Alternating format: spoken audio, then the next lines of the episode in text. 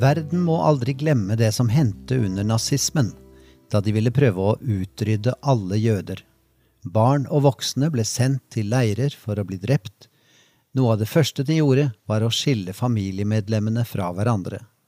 På den måten ble barna og de voksne så motløse og svekket at de ikke klarte å gjøre motstand. Bibelen har gitt oss det fjerde budet. Du skal hedre din far og din mor.